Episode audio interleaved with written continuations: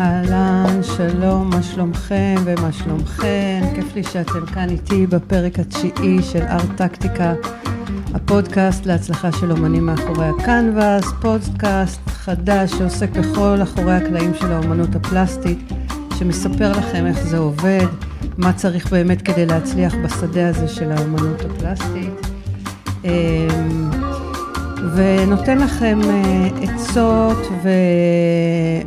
ומעשיות ומאנשי מקצוע, ממה כדאי להיזהר, ומביא לכם חדשות מעולם האומנות המקומי והבינלאומי. אז הנה הג'ינגל ואנחנו מתחילים. ארט טקטיקה, הפודקאסט להצלחה של אומנים. סיפורים ועצות מאחורי הקנבס ומאחורי הקלעים של האומנות הפלסטית. בהגשת טלי בן סירה, סוכנת ויועצת אסטרטגית לאומנים, עוצרת, מנהלת אוספי אומנות ומרצה, אוהבת, חיה ונושמת אומנות. ליווי והפקה מבית סופרקאסט.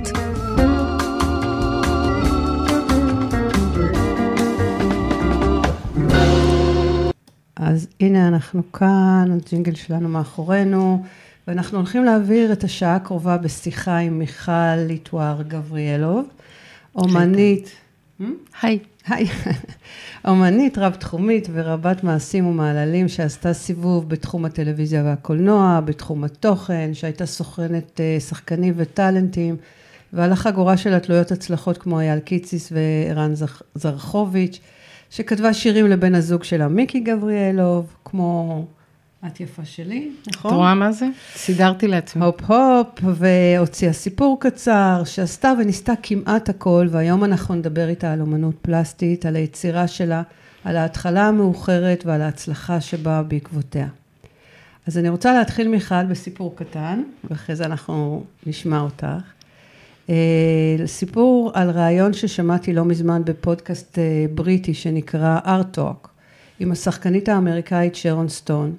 שלאחרונה פצחה בקריירה מצליחה כציירת בהוליווד, והיו לה כבר כמה תערוכות מוצלחות. אז היא סיפרה שם איך היא התחילה להיות ציירת. היא, אמרה, כתבתי שיר לקטרינה, לעזור בגיוס הכספים לנפגעי אסופת קטרינה, וההתנגדות שקיבלתי הייתה בלתי תאומה, אני אומרת. בגלל שלא נשארתי בשביל שלי, not staying in my lane. את לא בעסקי המוזיקה, איך את מעיזה להידחף? כולם רצו רק שאני אשאר בנתיב שלי בלי סטיות, בלי פנימיות חדות ובלי כניסה לנתיבים אחרים. ניסיתי לכתוב ספר של סיפורים קצרים, אף אחד לא רוצה לשמוע את הסיפורים שלך, אמרו לי. את לא סופרת, את לא סופרת, תישארי בנתיב שלך. בסופו של דבר הבנתי שאנשים רק רוצים שאשאר במקום שלי. אני לא כלבלב, סתמו את הפה, היא הרימה את הקול שלה שמה בפודקאסט והמשיכה. פשוט עשיתי את זה, just did it. כתבתי שיר לגיוס כספים לקטרינה, כתבתי את הספר שלי, המשכתי בחיי, ציירתי, עשיתי תערוכות, עשיתי את כל מה שאני רוצה לעשות. אז אני שואלת אותך, מה את אומרת על הסיפור שלה? כמה זה קשה להתחיל קריירה שנייה בכלל ובאומנות בפרט? אני אתחיל טיפה אחורה ואני אגיד, כשנהייתי סוכנת של אנשי תוכן בטלוויזיה, לא היה דבר כזה. אלכס גלעדי ז"ל בא אליי ואמר לי, עזבי להיות מפיקה, זה נורא קשה. תהיי סוכנת. והוא סידר לי כל מיני דברים וקשרים, והוא גם היה המעסיק הראשון שלי, וכל מי שהיה מסביבי היו גברים. ואמרו לי בדיוק את אותו דבר. אין סיכוי, אין זה, אין זה.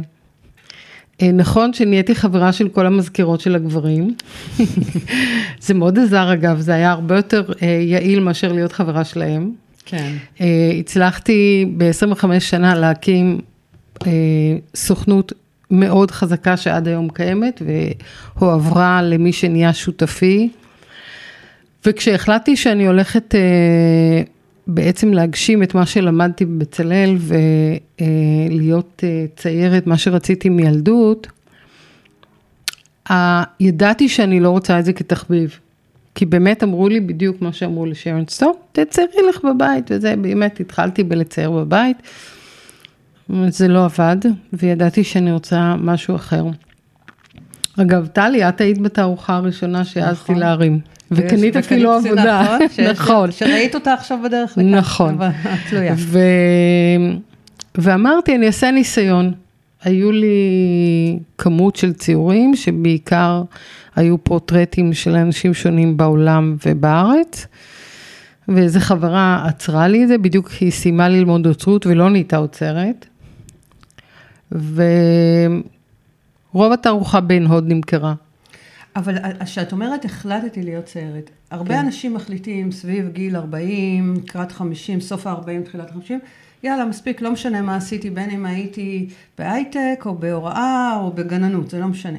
אני רוצה משהו חדש, והם הרבה פעמים גם מצליחים, הולכים למקצועות חדשים, טיפוליים כאלה או אחרים. באומנות נראה לי שזה יותר קשה, שאם לא באת במסלול המתיש של תערוכות, תערוכות, תערוכות, ו... אין ספק שאת צודקת, שאחד הדברים שכשפניתי ל- לקבל רזידנסי במאנה, חשבתי שהסיכוי שלי לקבל הוא אפס.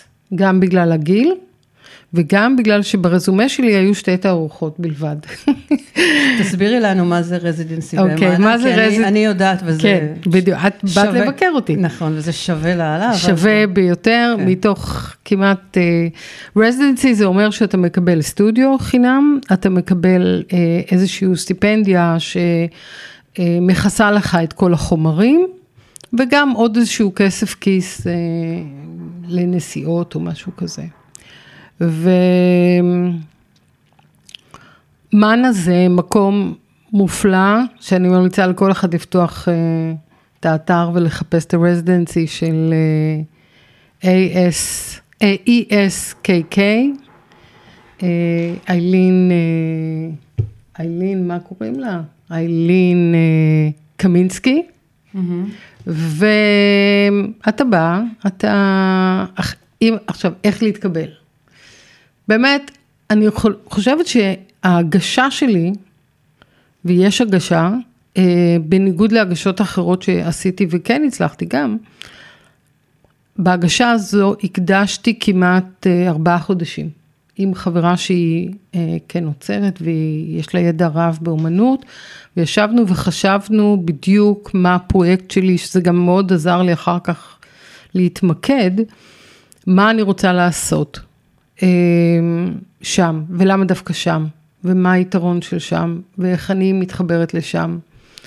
אה, בהתמקדות הזו בהגשה, ולכן אני, אני מציעה לכל מי שהוא אומן, גם אם הוא מתחיל וגם אם הוא מתחיל מאוחר, אה, ללכת לעשות residencies בעולם, הפרספקטיבה היא... רגע, אני רק רוצה להבהיר, residency זה אומר שאתה גר במקום אחר, אתה off-site, גר, כן, במקרה אתה- הזה, זה לא, לא במקרה- בכל מקום, יש, במקרה אה, הזה זה היה בניו הייתי יורק. במק- במקומות אחרים שגרתי והיה סטודיו שלושה מטר ממני. המקרה הספציפי הזה, המגורים והאוכל על חשבונך וכל השאר על חשבונם. זה ש- בניו יורק. זה בניו יורק. זה, ב- הם, בניו ג'רזי. הם בניו ג'רזי, הם בג'רזי סיטי, אבל בעיקרון זה דקה מניו יורק. אה, לי, לי היה יותר קל, ניו יורק זה, זה העיר שלי, השנייה, ולא הייתה לי בעיה עם ניו יורק, גם לא כלכלית. אה, ל- ושם. בעצם עבדת עם עוד כל מיני אומנים שקיבלו את ה residency הזה, נכון? אה, קבוצה איתי- כזאת קטנה. כן, זה שמונה מתוך כמעט אלף, אלפיים, אלפיים. ומשהו הגשות, לכן כשהגשתי ממש היה לי ברור שאני לא אתקבל, כולם חוץ ממני היו צעירים ותוססים. אה, אני כן, I went out of my way ונסעתי לראיון, כולם עשו את זה אז בסקייפ, אני החלטתי שאני רוצה לעמוד בעיניים, ו- כלומר, אה, כשהגעתי לראיון פיזית, לפניי ישבתי בחוץ, זה סיפור קטן, זה טיפ טוב לכל אומן. ישבתי בחוץ ושמעתי מישהו מברוקלין עושה ראיון בסקייפ. כששלושת או ארבעת השופטים, ישבו השופטים, whatever, וכשהסתיים הראיון שלו, הם אמרו, אתה יודע, באה מישהי מישראל, אתה בברוקלין, why the fuck didn't you come over? וידעתי שא', יש לי איזשהו leverage, שידעתי ש... שהם העריכו את זה שהגעתי, ובניתי על זה גם. ובעיקרון בסוף הרעיון כבר אמרו לי תבחרי איזה סטודיו את רוצה ובחרתי ונורא שמחתי ומאוד הופתעתי.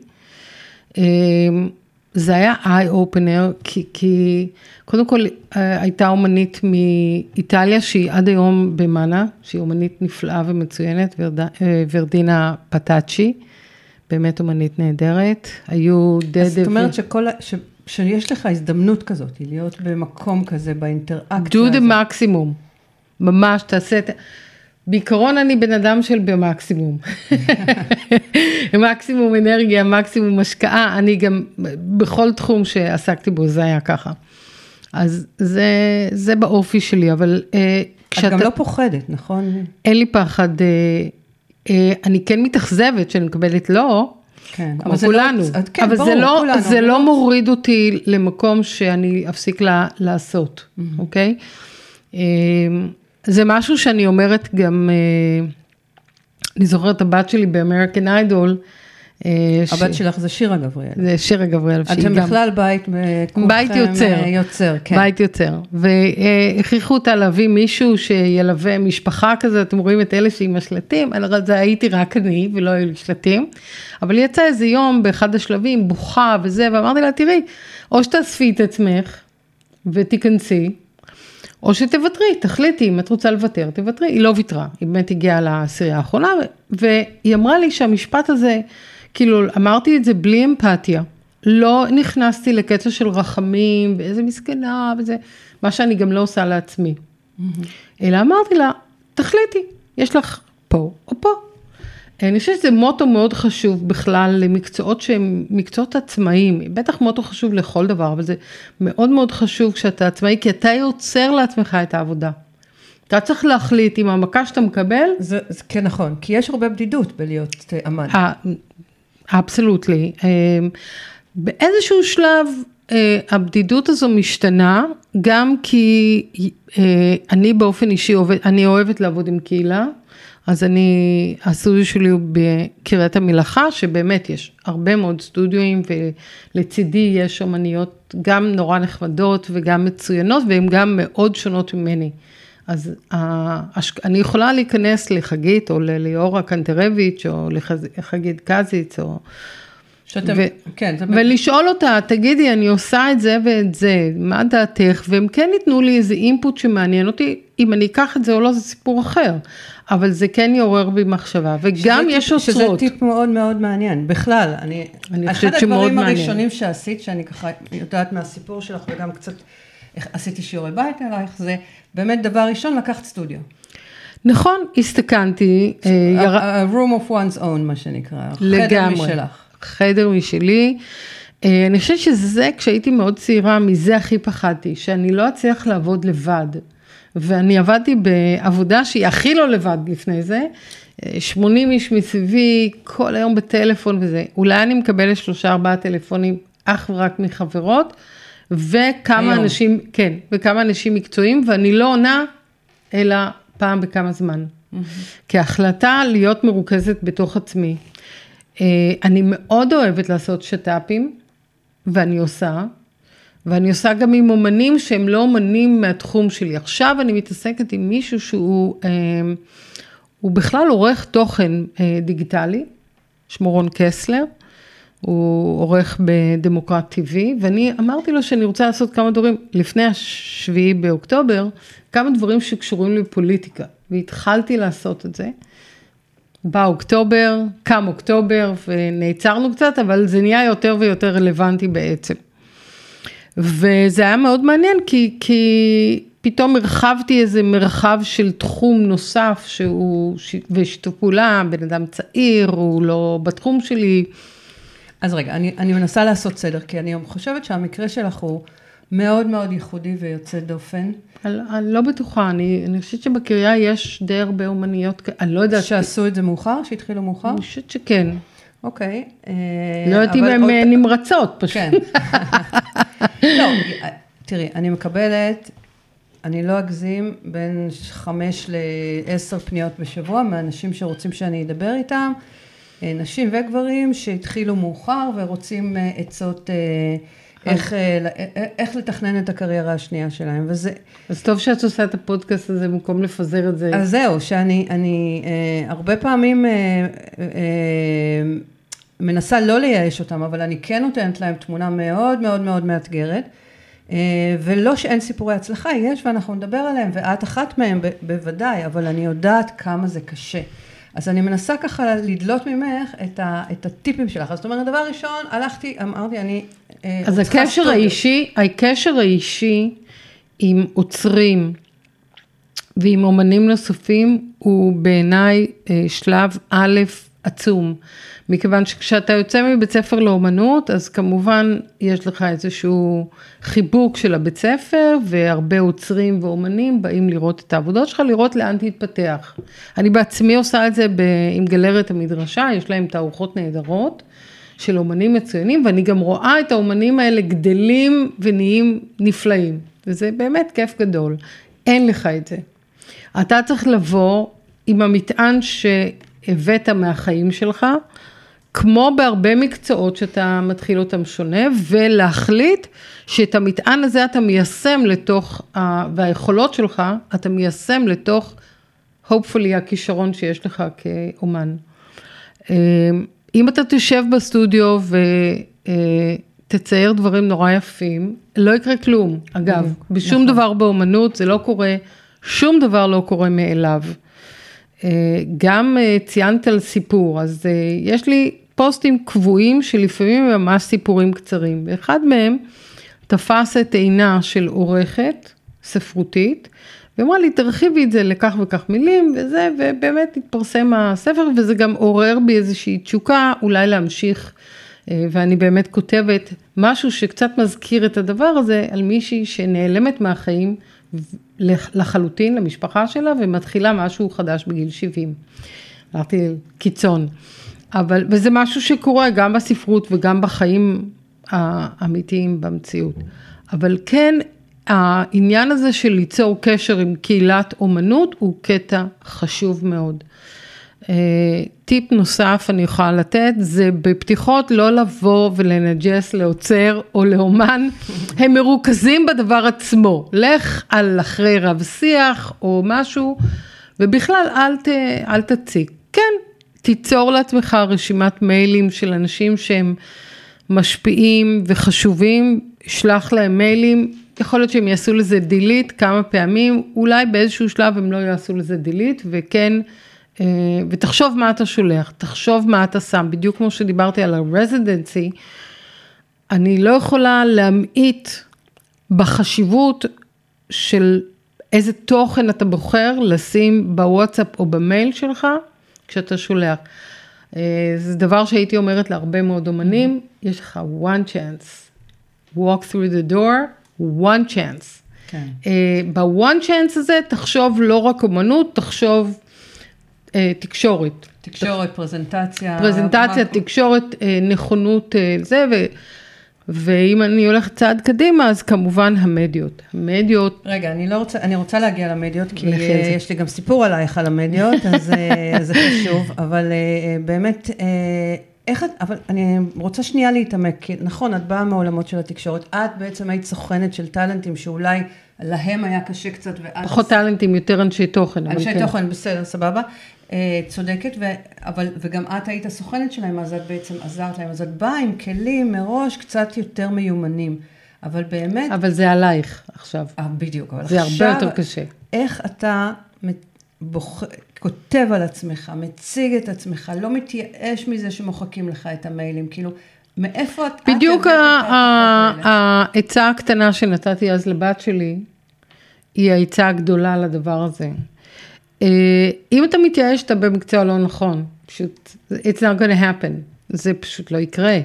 בגלל שבאומנות, לא משנה אם היא פלסטית או מוזיקה או כל אומנות שהיא, הרגישות שלך היא מאוד גבוהה לעבודה שלך. כי אתה בשיפוט כל הזמן, אוהבים כל את השיר הזמן. או לא אוהבים את השיר, נכון. אוהבים את הציור, לא אוהבים את הציור, נכון. יקנו, לא יקנו, נכון. יאזינו, לא יאזינו. נכון. אה, אגב, אושר הרבה יותר גדול אה, אין מאשר שמישהו קונה לך את הציור. אה, ואתה מתפרנס הרבה פחות טוב ממה שהתפרנסת קודם, אבל עדיין זה ממלא אותי לחלוטין. גם לתכנן את זה כלכלית זה משהו שהוא חשוב לעשות. כן. אני לפני הבלאסט הגדול, תכננתי את זה. ידעתי שאני ארד בהכנסה, אבל תכננתי איך אני שומרת על עצמי כלכלית. גם משהו שרצוי לחשוב עליו. זה גם פחות מייאש. אה, נגיד, אני פחות בעניין של ללמד אומנות. אני יכולה, אני לפעמים עושה את זה גם, אבל לעיתים מאוד רחוקות. אין לי סבלנות לאנשים לא כישרוניים. מודה. אה, אני, ילדים אני מאוד אוהבת ללמד, אנשים מבוגרים זה בעייתי כשזה תחביב, כן. זה בעייתי כן. מבחינתי. אבל אה, נחזור למה ש... העניין הזה של ייאוש הוא לא אופציה. פשוט לא אופציה. אתה לא יכול להחליט שאתה, לוותר לעצמך ולהיכנס לדאון ולהתייאש. ו... אז אני כבר לא אגיש, אני לא אעשה, לא. אם זה מה שבחרת לעשות, אני חושבת שבערך 30 אחוז מהזמן שלי מוקדש לזה. 70 אחוז מוקדש אך ורק לאומנות, 30 אחוז, לעבודה אני, לת- אני ממש אה, שקועה ב- למי אני אפנה, מה אני אעשה, איך אני אעשה את זה, מתי אני אעשה את זה, למי אני אכתוב, למי אני, עם מי אני כן אדבר, עם מי אני לא אדבר. אה, זה אפילו כמו פוליטיקה. כן. וגם צריך להבין שהרבה פעמים, גם כשאתה כבר פונה במונחים של אמנות, לקבוע איתך לעוד חצי שנה זה סבבה לגמרי. כאילו, זה לא בגלל ש... שנה. שנה. שנה. לקבוע לך תערוכה לעוד שנתיים זה גם סבבה לגמרי, כאילו. לחלוטין, תראי, יש לי לא- דוגמה הפוכה למשל, אה, כשיצאה התערוכה שלי בנתניה, אה, זו תערוכה שהייתה תערוכה גדולה, ארבעה חודשים היא עמדה, הייתה צריכה שלושה, הם האריכו בזה. פן, מישהו אה, ראה במדיות אצלי את העבוד, התחיל לראות את העבודות שלי, ופנה אליי האוצר שהיה של ה-Jewish Brooklyn Museum. וואו, נכון? באה הקורונה, נעצר, הוא גם חלה, ואז הוא איש מבוגר, הוא יצא לפנסיה. ותכף אני אזכר בשמו, הוא עד היום בקשר איתי, אבל הוא כבר לא עוצר. והוא כבר, סגרנו איזה, מתי אני מגיעה לניו יורק, לפגישה וכולי וזה. וזה נעצר. אה, זה באמת צומת שקיבלתי בו בומבה, ו- וחייבים לדעת לקבל את הבומבה הזאת. והוא אמר לי, תשמעי, הגיעה עוצרת, היא בת 29, היא לא תיקח את הדברים שאני אוהב, היא רוצה את הקו שלה, אני לא מאמין, אני מעביר לה את החומר, קשה לי להאמין. היא הייתה אמריקאית וחמודה, והיא אמרה לי, תנק יו, כן. ולא שמעתי ממנה יותר. דיברה באמריקנית. כן, כן. והבנתי את זה גם, זה משהו שאני מכירה על עצמי, בתור כן. מישהו שניהלתי משהו, אתה צריך לקבל את זה. אני הראיתי פה תוך כדי שדיברת כמה עבודות מהתערוכה הזאת, כן. אה, שנדבר עליה עוד מעט, אבל זו באמת הייתה תערוכה גדולה ומונומנטלית. אבל אני כן רוצה לדבר באמת על העשייה שלך ברשתות החברתיות, כי כשאני התחלתי את ענייני הפודקאסט והשידור, את הרמת לי טלפון ואמרת, בואי בואי, את לא יודעת להתנהל ברשתות, חוצפנית שכמוני. ובואי אני אראה לך מה את עושה לא נכון, ואמרתי לך... אה, להיטיב אבל. כן, כן, לגמרי. אה, ונורא שמחתי גם, וקבענו, ובאמת ישבתי איתך והראית לי, ואחר כך עשינו עוד פגישה והראית לי שוב, ואמרתי, את זה ככה את עושה ואת זה תעשי, ופה את- אחריו תעקבי את אחרי... חייבת לא." לי עוד הרבה פגישות, כן? כן. יש עוד, זה לא יום לימודים קצר. אבל השתפרתי מאוד. מאוד. מאוד, כן. מאוד. אז, אה, אז באמת אה, גם לי נתת בראש וגם הדרכת אותי, אז אני באמת רוצה, לש... וזה, וזה לגמרי לא מובן מאליו, כי אנחנו פחות או יותר בנות אותו גיל. וזה לא, הלג... לא גדלנו בעולמות האלה. אני יותר גדולה. קצת יותר גדולה, לא הרבה אבל כאילו, אה, זה לא קל לנו, זה לא, זה לא מיידי. אני הלכתי ללמוד, אני פשוט פתחתי וחיפשתי, ואז התייעצתי עם כל מיני עורכי תוכן. כן, היו לי אנשים שהם עורכי תוכן, והם גם הפכו לעורכי תוכן דיגיטליים. אמרו לי, יש מכללה, חבר'ה, תקשיבו, יש מכללה שנקראת New Media בתל אביב. זה סדנאות של אה, בין, חמ... בין שלוש לשש שעות, תלוי במה. אתה יוצא, יודע. וואלה. אתה יוצא יודע. אה, זה אופציה נהדרת, אתה יושב, אתה לומד באמת, ו- וזה שאתה חושב שאתה כותב השטג או מעלה איזה שטות, ויש אנשים שמעלים המון, לא עושה את זה לדבר שמיטיב איתך, ובאמת שש שעות והקשבה למה ש... והסתכלות על מה שקורה במדיה, ואני מדברת אה, אינסטגרם, פייסבוק, טוויטר הוא פחות אומנות, אבל הוא גם, ובהחלט מגיעים אליי גם מהטוויטר. היום כמובן טיק טוק is the king, אבל זה באמת, בוא נגיד שזה לא מביא אספנים. כן. זה מביא צפיות, זה מביא דחקות, אבל זה לא אספנים. אני עדיין מתחזקת את טוויטר, ואת הטוויטר טרם למדתי ממש באופן סיסטמטי, אבל אני, אני לומדת. אז- דלגו על יוטיוב, הוא מיותר. מיותר? הוא טוב רק בשביל אה, חיפוש השם בגוגל. זה כמו שאתר נהיה, אה, במקום לשלוח את ה-CV שלך, זה אתר. אה, אוקיי. באמת לא כזה דרמטי. אבל, אבל בסדר, אוקיי, אז כולנו אה, צריכים ללמוד. נגייס את האינסטגרם וה, והפייסבוק, אבל מה את שמה שם? מה בעצם, איך את, אני, כי אני רואה אותך, את כל יום מעלה משהו, כמעט, כן. כמעט. יש הבדל גדול בין שתי המדיות, פייסבוק המילה הכתובה חשובה מאוד, האימיג' גם. אה, בדרך כלל אם אתם אה, מעלים ציור בפייסבוק וכותבים אקריליק על בד אה, אה, 2002, תקבלו ארבעה לייקים מהחברים הקבועים שעשו לכם את הלייקים anyway, כי הם עושים לכם טובה. זה צריך להיות תוכן שהוא מעניין, שהוא אתם. אה, שזה אני- יכול להיות, יצאתי הבוקר לסטודיו, נפלתי, אז זה יכול להיות משהו כזה, נכון? אני, יש לי ציור שציירתי של עורב, שהוא כבר לא אצלי, אה, שהוא נמכר, ואני באמת חובבת ציפורים קצת אה, הנה, אני אובססיבית. בדיוק מראה את אה, אורית. אחד עם מהם, ציפור נכון. כן. שהיא נמכרה למי שהסתכל על הציור שהיה בתערוכה שלך, שבדיוק פגשתי, הוא קנה לאשתו את, את הציור הזה מתנה, והם נעמדו מיל, מול הציור שמוצג באור גדול. Mm. זה היה מאוד משעשע. ולנטין משהו, זה עולה חדש מצרפת. אמ, ואני, יש לי את ההליכת בוקר שלי עם הכלבה, ואני מדברת עם עורבים. כל פעם להקה, הם, לדעתי זו אותה להקה שכבר אנחנו מכירים, וגם פיקי נובחת עליהם, אז זה בכלל נחמד. וכן, העליתי פוסט שמראה את הציור הנ"ל, ומראה את הציור שאת העלית, ציור אחר ש, אה, מהסדרה הזו שהעלית כרגע. ואת הצילום שלי מדברת עם העורב, והוא באמת עונה לי גם, הוא צועק עליי, אני צועקת עליו בחזרה, וזה, יש איזה, אז כמובן ש, אה, אני לא אומרת מה לכתוב, אבל כמובן שזה, את מי שזה מעניין, זה מעניין יותר מאשר לראות שני ציורים עם כיתוב דל. אה, זה- נכון.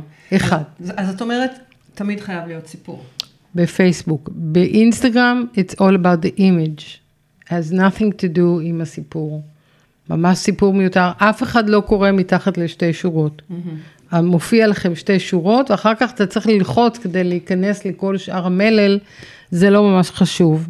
וגם הוא יותר בינלאומי, והמכירות שלי דרך האינסטגרם הם כמעט תמיד לאנשים בחו"ל. אבל אותו ולנטין שקנה ממני את הציפור, את אוריקי עם הציפור הכחולה, כן הגיע אליי, אבל הוא בא אליי פיזית לסטודיו, כן. כדי לראות את העבודה. שזה קורה, הם מביא, בטח. אנשים יוצרים קשר ואחר כך מגיעים. בוודאי, אפילו מלונדון קבעו איתי ל-9 באוקטובר, שלא הגיעו, אה, זוג שהרבה זמן כבר אומר לי על שני ציורים שהוא רוצה, אבל הוא רוצה פיזית לראות אותם, ובאמת יש הבדל עצום בין לראות במדיה, בין לראות במציאות. ציור זה ציור.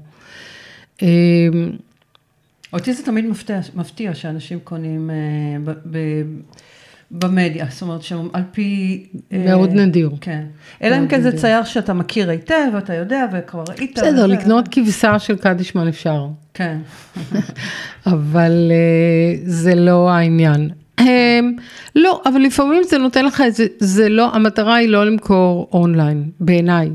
המטרה היא להביא אנשים לסטודיו כדי לבקר בו וכולי, ואז צריך לחשוב מי הקהל שלך, מה אתה עושה, למי אתה מכוון, באיזה שעה אתה מכוון, יש לזה מיליון פרמטרים.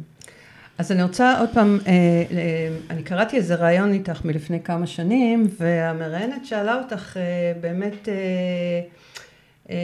האם העיסוק, על המרחק בין העיסוק הקודם כסוכנת, כסוכנת אומני תוכן והיום להיות היוצא, יוצרת וציירת, שזה נורא רחוק זה, אחד מהשני. זה מרחק גדול, רק שכמו בחיים, בטוח גם את, משתמשת בכל המיומנויות שלך שצברת לאורך השנים. אז את ענית לה, משפט נורא נורא יפה, שאני מעניין, רוצה לא לצטט לך אותו. לכי על זה. לי וגם לאחרים, יש יותר מאופציה אחת לגבי מה לעשות בחיים. נכון. הרעיון, אני חושבת, הישן הזה, כמו ששרנסטון אמרה, שאתה, you're in your path, הוא פחות מעניין. אם יש לך איזו תשוקה, והיא כל הזמן אותה תשוקה, מצוין. Keep on doing it. אני נשואה למישהו כזה. אבל אה, יש אנשים שיש להם כל מיני סוגים של passion ומיומנויות ויכולות ורצונות, ואין שום סיבה, לא חייבים לעשות 50 שנה את אותו דבר, זה נראה לי נורא, באופן אישי. כן. אה, אז אה, לא, לא חייבים, תראו, אבל זה שוב, זה רק העניין של הריזיקה. זה אנשים מפחדים לקחת את הריסק הזה של לוותר. אני ויתרתי על משרד מאוד מאוד משגשג, מאוד, ומעמד, וכוח, ו... וקשרים, וכולי וכולי. ממש ביטלתי את זה. Mm-hmm. אני זוכרת שהעברתי לשותף שלי, עשיתי לו אקספורט מכל המספרי, 2,700 מספרי טלפונים שלי, ואמרתי לו, אני חושבת שאני אשאיר 300. הוא אמר לי, את יצאת מדעתך, והוא נתן לי דיסקונקי עם ה-2700, אני לא חושבת שהשתמשתי בו אף פעם בדיסק און קי הזה. וואלה. כן. זה העולם של אתמול, מבחינתך. הם מעט אנשים שאתה עובד איתם, הם באמת חברים שלך, והם היו, יהיו חברים שלך עם או בלי שתעבוד איתם. אה, רוב האנשים שאתה עובד איתם הם colleagues, and so it should be, זה בסדר. כן. אני, אני עניינית בעבודה שלי, גם היום וגם אז הייתי. סגרת את הדלת ופשוט פתחת דלת חדשה. כן, אז זה עניין של אה, באמת, אני לא אגיד אומץ, זה עניין של צורך ורצון והחלטה ברורה ומובהקת. אני רוצה לדבר איתך על התערוכה שהייתה לך בנתניה, כי זה, זה תוכן נכון. שמלווה אותך הרבה, הרבה שנים. כל הזמן, כבר, כן. כל הזמן, כן. שבעצם מדובר באוסף שירשת מסבא שלך, אוסף צילום. זה ארכיון. ארכיון צילום. ארכיון, אה, סבא שלי לא היה צלם, הוא היה מדען, אבל הוא צילם מגיל בערך 11, מ-1910, הוא התחיל לצלם בגרמניה, הוא יליד ברלין, היה. אה, והוא צילם דברים שחלקם אה, הפכו להיסטוריים ומונומנטים, שסביר להניח שהוא ידע שהם יהיו כאלה. אה, כי, כי באמת הראייה ההיסטורית שלו היא הייתה מאוד מדויקת. אה, יש לו יותר מנכדה אחת, הוא בכל זאת הוריש לי את הארכיון הזה. שיש בו אלפי צילומים. אלפי צילומים. שהתחילו, הוא בעצם התחיל לצלם ב-1910. ו-10, וואו. Uh, הוא נפטר כשאני הייתי בת 23, אני כבר למדתי בצלאל. אני, הוא גם צייר ורשם, וגם קליגרפיה הוא לימד אותי. Uh, אגב, האחים שלי מוכשרים בציור ובצילום, ממש כמוני. Uh, ולא קיבלתי את הירושה הזו עד שאבא שלי נפטר. לפני שאבא שלי נפטר, ואיזה מזל, אמר לי שכל האוסף הזה, כל הארכיון הזה שייך לי. חשבתי שהוא השאיר לי את זה, אבל לא. אה, פתחתי את האוסף הזה, חמש שנים לא פתחתי אותו. ואז באה האוצרת, דני, דניאלה גרדו, שהיא הייתה האוצרת של התערוכה הזו גם. וסיפרתי לה שיש לי את הארגזים האלה, והיא אמרה לי, מה? את חייבת לפתוח את זה. והתחלנו מסע של כמעט שנה מיונים וכולי, ועם זה גם נסעתי למאנה, כי גם במאנה התעסקתי בזה. Mm-hmm. ודורון פולק, שגם בא לפגוש אותי שם, אמר לי, תסרגי, אני רקמתי. אבל המילה שהוא אמר לי, להוסיף עוד, זה, חדרה לי ונשארה איתי. Mm-hmm. דורון טוב בזה. נכון, מאוד, הוא הניע אותי כמה פעמים כן. לעשות דברים שלא חשבתי שאני אעשה. וגם במאנה התעסקתי בזה, וגם השלכתי את זה על ניו יורק, שזה גם היה מאוד מעניין. וכשחזר, המשכתי להתעסק עם זה הרבה מאוד, וכשפתחתי את אחד הארגזים, מצאתי שם מכתב, פתק, לא מכתב אפילו. מיכלי, אני משאיר לך את זה, סבא. אימא'לה. בתור נכד שאתה גדל, אתה לא כל כך, זה לא כזה משמעותי, כל מה שאומרים לך, הסבים שלך וזה. כשאתה הולך אחורה ואתה בעצמך מתבגר, אתה מתחיל לראות שאולי יש משמעות וחשוב לזכור דברים מסוימים. וגם בעקבות הצילומים האלה עשיתי בדיקת דנ"א.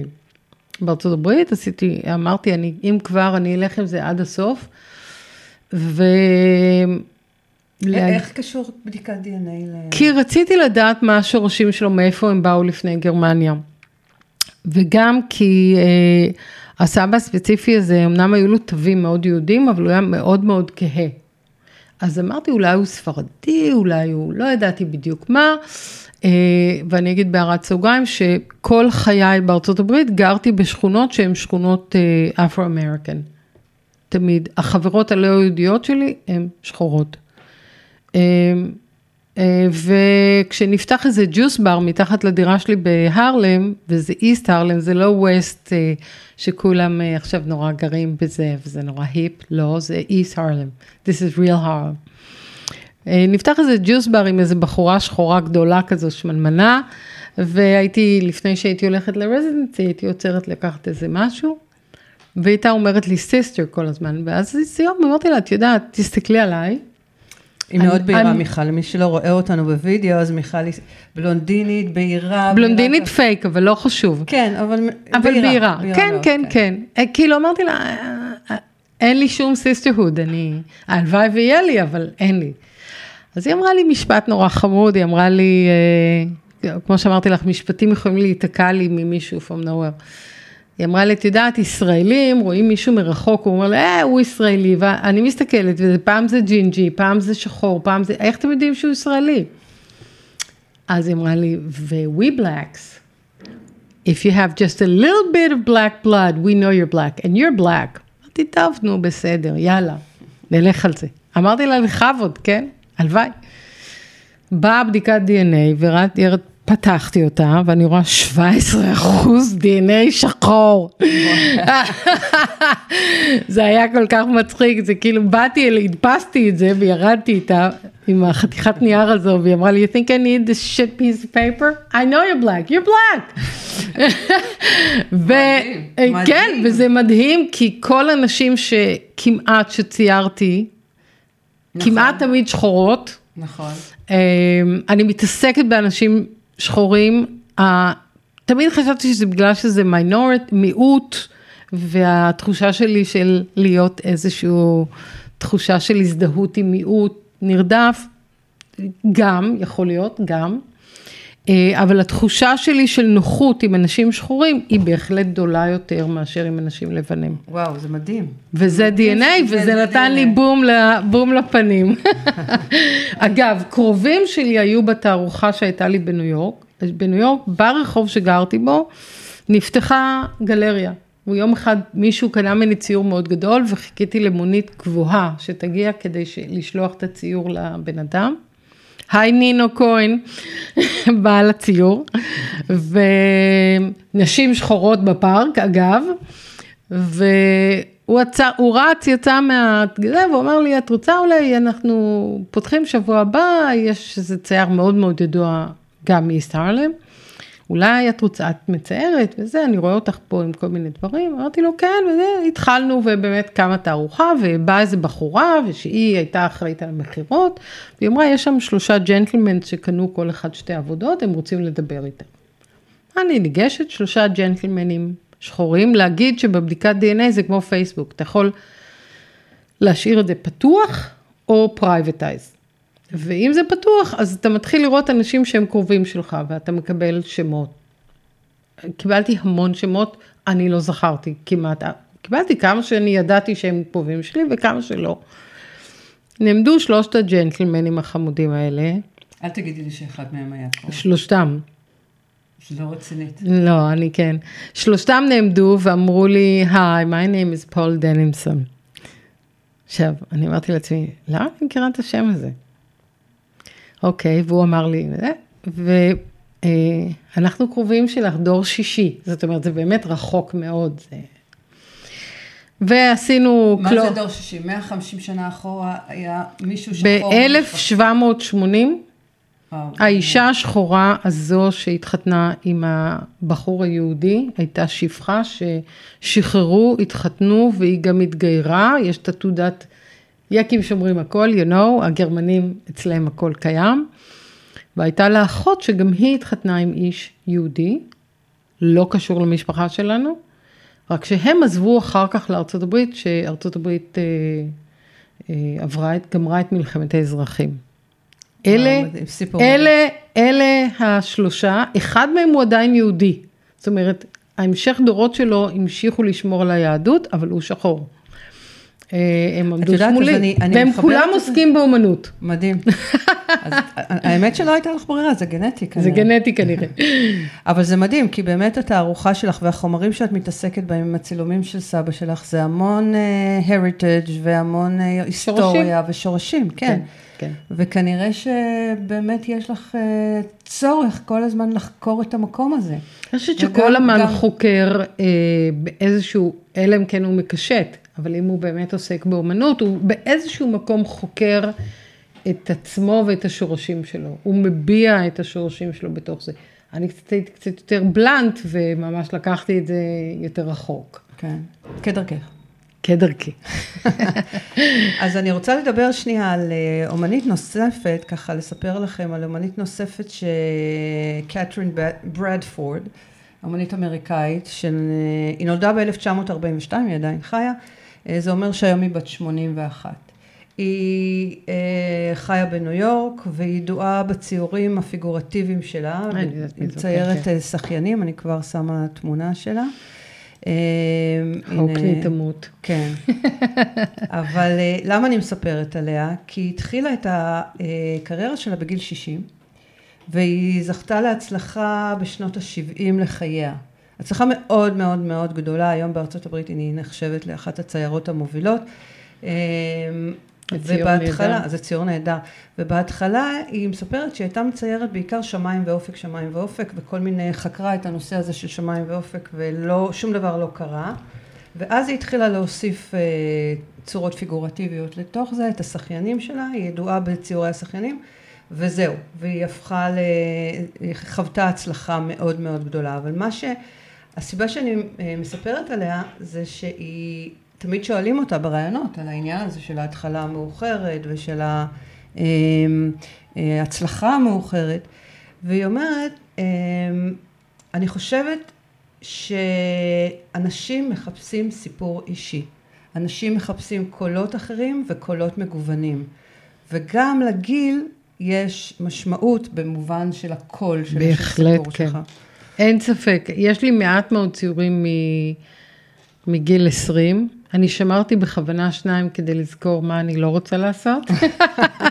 אחד תלוי אצלי בחדר שינה, זה ציור שמן הראשון שציירתי אישה שחורה עירומה. אמ, זה ציור טוב, אבל definitely אה, אה, זה מין תמרור כזה. איפה לא להיות? איפה לא להיות. וואלה. כן. אני אוהבת את הציור הזה, אבל אני יודעת שאני לא רוצה להיות שם. אז אה, אנחנו, תאמיני או לא, אבל כבר עוד מעט מתקרבים לסיום. אה, אז בואי נלך שנייה מאחורי הקנבס שלך, ויש לי שלב השאלה הזהה שאני שואלת. אה, בעצם אני שואלת מה הארט-טקטיקה שלך, זאת אומרת, מה הטיפ החשוב ביותר? דיברנו על כל מיני טיפים במהלך נכון. השידור הזה, אבל אם עכשיו באה אלייך אה, מיכל גבריאלוב אה, לפני 10-15 שנה שאת כבר עושה את זה, נכון? כן. ואומרת, אה, אני מתחיל, זהו, החלטתי, אני מסרתי את 2,700 מספרי הטלפון שלי ואני מתחילה משהו חדש, סגרתי את הדלת, אני פותחת דלת חדשה, מה הדבר הכי חשוב שהיא תדע, או הוא ידע? למצוא יועץ או עוצר שילווה אותך ויחשוב איתך מה הדבר הראשון שאתה רוצה לעשות, איך אתה רוצה לעבוד, וזה במהות. הדבר הזה הוא קריטי. החשיבה של לפני העשייה, בעיניי, אני יודעת שיש הרבה אנשים שלא עושים את זה. אני מאוד אוהבת את זה על עצמי. זה מכוון אותי, זה נותן לי מסגרת. ברור שיש לי יציאות לכל המסגרות ואני מתחילה משהו וזה הופך להיות משהו אחר, ברור. אבל החשיבה הזאת של אה, מה הולך להיות הדבר שעליו אני אעבוד, אה, מהותית קריטי, אה, הוא ממש Game Changer. Mm-hmm. ולא שם... שוב את הולכת לעניין התוכן. התוכן. אני אגיד לך, גם ב... כשאת פונה לרזידנסי, בעצם את כותבת איזושהי הצעה, מה את הולכת לעשות, ואז צריכה לעשות אותה גם. זה נורא נותן לך אה, חופש בתוך מסגרת. אם דיברנו על דורון פולק, אז דורון יום אחד צלצל אליי ואמר, יש משהו שאני עושה עם מאחורי הרעלה, לא, לא, לא, לא, לא. נגיד, זה לא משהו שבאופן טבעי הייתי מתעסקת בו. שזה תערוכת אה, לוויין לביאנלה בוונציה, נכון? הצגתם שם בתערוכה... בוונציה, בפריז, בלודג', כן, זה, זה, זה, זה זז לכל מיני מקומות. זה זז לכל מקום, אבל זה התחיל כתערוכה של נכון, הביאנלה. כן. נכון, ואמרתי לו, אתה יודע מה, שלח לי, אה, הוא אסף כבר כמה אימג'ים, ושלח לי כמה, זה, צעיפים, אני חושבת שראיתי או דברים כאלה, וידעתי ש... שוב, ידעתי מה אני לא רוצה, לא ידעתי עוד מה אני רוצה. וחיברתי את זה לסביבה, ולכן גם הטיפ השני החשוב הוא איפה אתה מצייר. הסביבה. אז אני מציירת בסביבה שהיא בערב היא טרנסים, כולם טרנסים, זונות טרנסים ו hookers ו junkies ומוזיקאים קצת. ויש לי גם חמלה וגם כעס עליהם, זה מין דואליות כזו, וביקשתי, חיפשתי טראנס שיעמוד עם חיג'אב ויצטלם. צילמתי את זה, זו עבודה מצולמת. כן. אה, ובסוף אה, לא רציתי מישהו מתחום העסקי הזנות, ופניתי למישהו, תחום שלי הקודם, פניתי לסוכנת שמייצגת שחקנית שהיא טרנסית, היא בדיעבד נהייתה נורא מפורסמת, סתיו סטרשקו, שהייתה הכי מתוקה בעולם, לא שאלה שאלות, באה, כמו שביקשתי, ללא איפור, עם ג'ינס וחולצה שחורה, ואני קניתי לה חיג'אב וכולי, והיא הייתה נפלאה, ובאמת העבודה הזו זכתה לים שבחים, ובעצם היא הייתה העבודה המייצגת של התערוכה בכל מקום שהם הסתובבו. אמ, ו, וזה הנאה, זה, הוא הניע אותי לעשות משהו שלא קיים, ולכן מסגרת זה דבר מאוד חשוב. בלי קשר תתפרעו לכם וזה עד שתמצאו את הקול שלכם, אבל המסגרת תיתן לכם גם אפשרות למצוא את הקול שלכם. אז אני חושבת שקיבלנו ממך היום אה, הרבה הרבה הרבה מאוד עצות, החל מבאמת אה, למצוא לך את המקום הפיזי שלך, את הסטודיו שלך, את החדר חדר משלך או חדר משלך. נכון. אה, להיות נוכח ברשתות החברתיות באופן מושכל ומלומד, לא נכון. לעשות שטויות. נכון. אמ, אני חייבת להגיד שגם הנוכחות הפיזית, אני, אנחנו תמיד נפגשות בכל מיני פתיחות ו, וכל מיני אה, אירועים של עולם האמנות, את די מקפידה להראות את עצמך שם. משתדלת, לא, כן, שלא לא- להתייגע. לא, כן, לא, זה, זה לפעמים מייגע, זה כן, קשה, זה קשה, כן, זה כן, לא תמיד כן. כן. לא, משתדלת ליהנות מזה אפילו. בכלל. אז, אה, אז באמת, קודם כל, תודה רבה רבה. תודה לך, טלי. אנחנו קצת אה, לקראת סיום, אני רוצה רגע לעשות סוויץ' ולדבר, אה, לפני עשרה ימים אה, נפתחה בנמל יפו תערוכה שעצרתי, שנקראת אור גדול. זו תערוכה שמאגדת 98 עבודות שנוצרו על ידי 75 אומנים, שמיכל אחת מהן, והעבודות כולן מתכתבות עם אירועי השביעי באוקטובר. יש שם עבודות שנוצרו ממש אה, מיום ההתקפה, מהשביעי באוקטובר, אומנים שמיד הגיבו למצב ויצרו עבודות חזקות ונוקבות. יש שם עבודות שנוצרו מוקדם יותר, אבל באופן בלתי ברור ומצמרר משקפות אה, במידה רבה מנבאות את מה שקרה mm-hmm. במתקפה האכזרית הזאת, ויש עבודות שמתייחסות לעתיד, בין אם זאת נבואה אוטופית או כאוטית.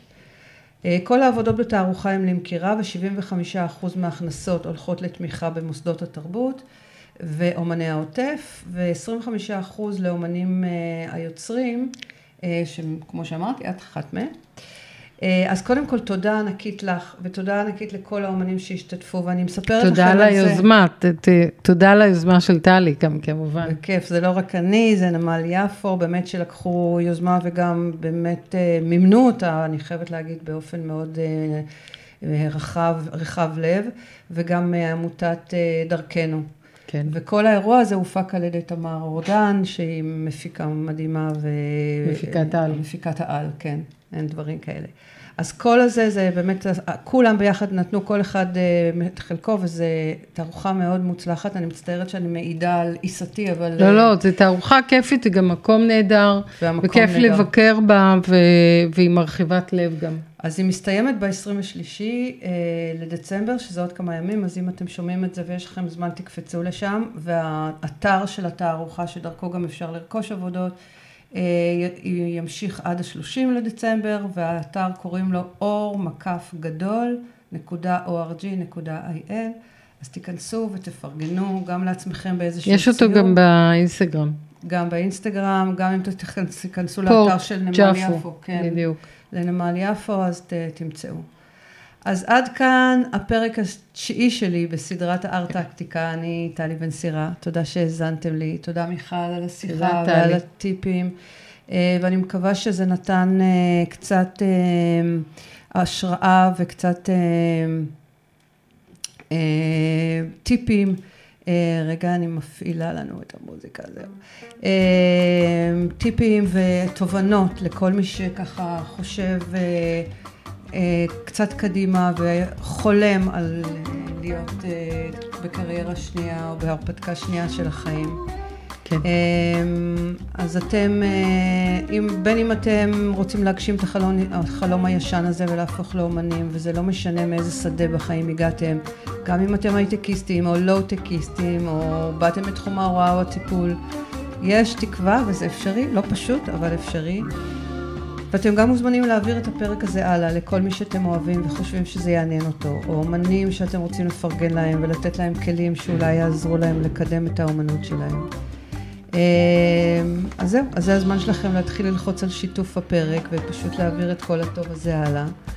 אל תתקמצנו, תנו לעוד אנשים בחיים שלכם, מי יודע, אולי זה ישנה להם את החיים לטובה. ותודה לכם שפה, שאתם פה איתי, בתקווה לימים טובים יותר, שפויים יותר, שכל החטופים וכל החיילים ישובו הביתה מהר ואמן. בשלום. תודה מיכל. תודה. ונתראה איתכם בפרק הבא.